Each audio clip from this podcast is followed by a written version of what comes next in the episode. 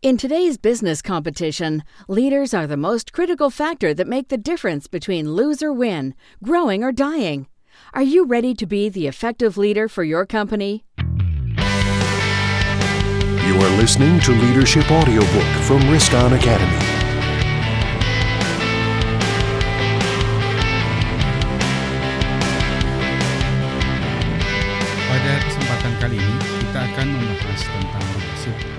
Puncak kesuksesan sebuah organisasi.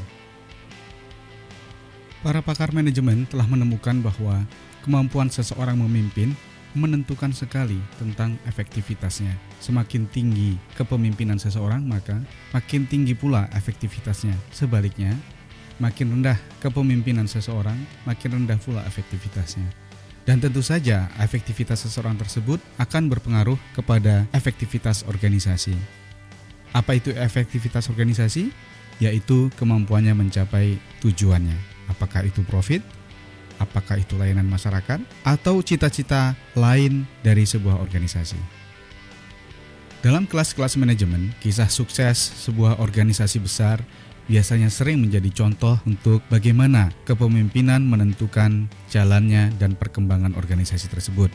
Pada kali ini, kita akan membahas sebuah contoh sukses dari se dari organisasi dari sebuah perusahaan raksasa yang telah mendunia yang kita kenal dengan nama McDonald. McDonald adalah perusahaan yang bergerak di bidang layanan fast food yang punya gerai hampir di seluruh kota-kota di dunia. Membahas McDonald, kita perlu kembali ke tahun 1930 di mana dua orang bersaudara yang bernama Dick dan Maurice memulai warung kecil mereka di sebuah kota kecil di Amerika. Pada tahun 1930, Dick dan Maurice pindah dari kota New Hampshire ke kota California untuk mengejar impian mereka, di mana mereka ingin membangun sebuah teater, sebuah uh, gedung pertunjukan. Namun sayangnya dalam sekian bulan operasi, mereka tidak dapat menghasilkan uang yang cukup untuk membayar sewa mereka. Dan akhirnya mereka bangkrut. Pada tahun 1937, dua bersaudara ini memutuskan untuk membangun sebuah gerai kecil yang menyediakan layanan makanan cepat saji. Ide mereka adalah membuat sebuah restoran kecil yang menyajikan layanan cepat saji, namun orang yang membelinya tidak perlu duduk dan memesan di restoran, tetapi cukup memesannya dari mobil yang kemudian pesanan tersebut mereka terima kembali di mobil tersebut. Restoran ini sangat cepat berkembang dan pada tahun 1940 Dick dan Maurice telah berhasil membangun sebuah restoran cepat saji yang sebagai cikal bakal dari McDonald yang kita kenal saat ini. Pada tahun 1948, kedua bersaudara ini memiliki sebuah ide untuk mengubah layanan mereka. Mereka memodifikasi layanan mereka hanya pada menu-menu yang sangat diminati oleh customer. Mereka juga mulai merampingkan cara-cara layanan mereka di dalam restoran. Dan kejeniusan mereka ini terbukti sukses. Setelah tahun 1948 ini, bisnis mereka menghasilkan uh, berlipat kali menghasilkan profit yang luar biasa. Kejeniusan mereka terutama dalam membuat menu yang sangat disukai oleh customer. Kejeniusan mereka adalah terutama dalam mengelola dapur dan layanan untuk mempercepat penyajian kepada customer. Pada tahun 1952, dua bersaudara McDonald's ini ingin memperbesar nilai bisnis mereka dengan membuka gerai lainnya. Namun gerai tersebut tidak menuai sukses sebagaimana gerai mereka pertama. Mengapa?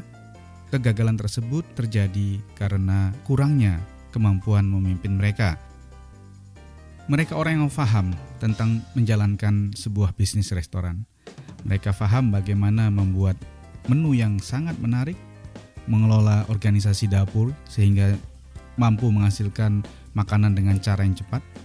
Mereka juga mampu melakukan efisiensi dan memotong biaya-biaya yang tidak perlu serta meningkatkan profit. Singkatnya, mereka adalah manajer-manajer yang baik, tapi mereka bukan leader yang baik. Cara berpikir mereka dan cara bertindak mereka telah membatasi kemampuan berkembang perusahaannya sendiri. Kisah McDonald ini terus berlanjut hingga tahun 1954 di mana kedua bersaudara McDonald ini bertemu seorang yang bernama Ray Kroc. Pada saat itu, Ray Kroc memiliki sebuah perusahaan yang menjual alat pembuat milkshakes. Ray mengenal McDonald's. Bahkan sebenarnya restoran McDonald ini merupakan salah satu customer dari Ray Kroc. Setelah mereka berbincang dan saling bertukar visi, akhirnya pada tahun 1955 Dick dan Maurice bersepakat dengan Ray Kroc untuk membangun sebuah organisasi yang kemudian dikenal dengan nama McDonald's Corporation. Dalam perjanjian tersebut, Kroc membeli hak untuk melakukan franchise terhadap semua sistem dan uh, layanan dari McDonald ini. Segera setelah perjanjian itu juga, Ray Kroc kemudian membentuk sebuah tim dan membangun organisasi yang membuat McDonald menjadi sebuah perusahaan dengan cakupan seluruh wilayah di Amerika. Ray Kroc juga segera merekrut dan mempekerjakan orang-orang terhebat yang dia bisa temukan. Dia membangun timnya dan terus mengembangkan timnya, membangun kemampuan mereka, dan mengembangkan keahlian-keahlian sesuai dengan prototipe bisnis McDonald yang telah ada tersebut. Di tahun-tahun awal perjanjian mereka, Kroc bekerja dengan luar biasa, siang dan malam bekerja hingga overtime walaupun dia sendiri telah berada di usia 50 tahunan. Dalam kepemimpinan Kroc tersebut, McDonald telah berkembang menjadi suatu perusahaan nasional yang luar biasa. Gerai-gerainya terus terbuka, di seluruh kota-kota di Amerika. Pada tahun 1961, Kroc membeli hak eksklusif dari McDonald bersaudara yang kemudian menjadikannya sebuah perusahaan global. Pada tahun 1961,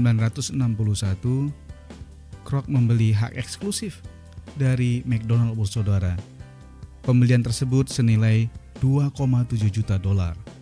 Yang dengan hak tersebut kemudian Kroc mengubah perusahaan McDonald's dari perusahaan nasional menjadi perusahaan global. Demikianlah kehidupan dan kepemimpinan Ray Kroc telah berhasil memberikan batas baru bagi pertumbuhan McDonald. Dari kisah ini dapat kita ambil pelajaran bahwa kurangnya leadership dari McDonald bersaudara telah menjadi batas bagi pertumbuhan organisasi itu sendiri. Sebaliknya, kemampuan leadership dari Ray Kroc telah menjadi pembuka bagi kesuksesan organisasi McDonald Corporation hingga ke seluruh dunia sampai saat ini. Sekarang kembali kepada permasalahan kita. Seberapa jauh kita ingin mendaki, seberapa jauh kita ingin mengembangkan organisasi ini, setinggi itu pula dan sejauh itu pula lah kepemimpinan kita harus kita bangun.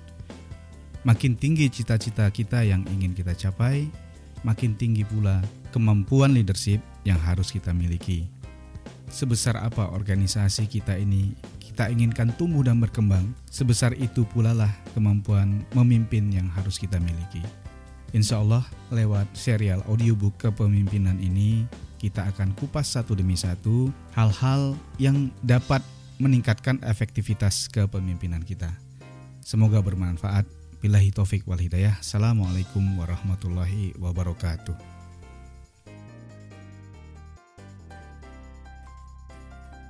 Produced by Risk On Academy, enhancing your personal development to the next level.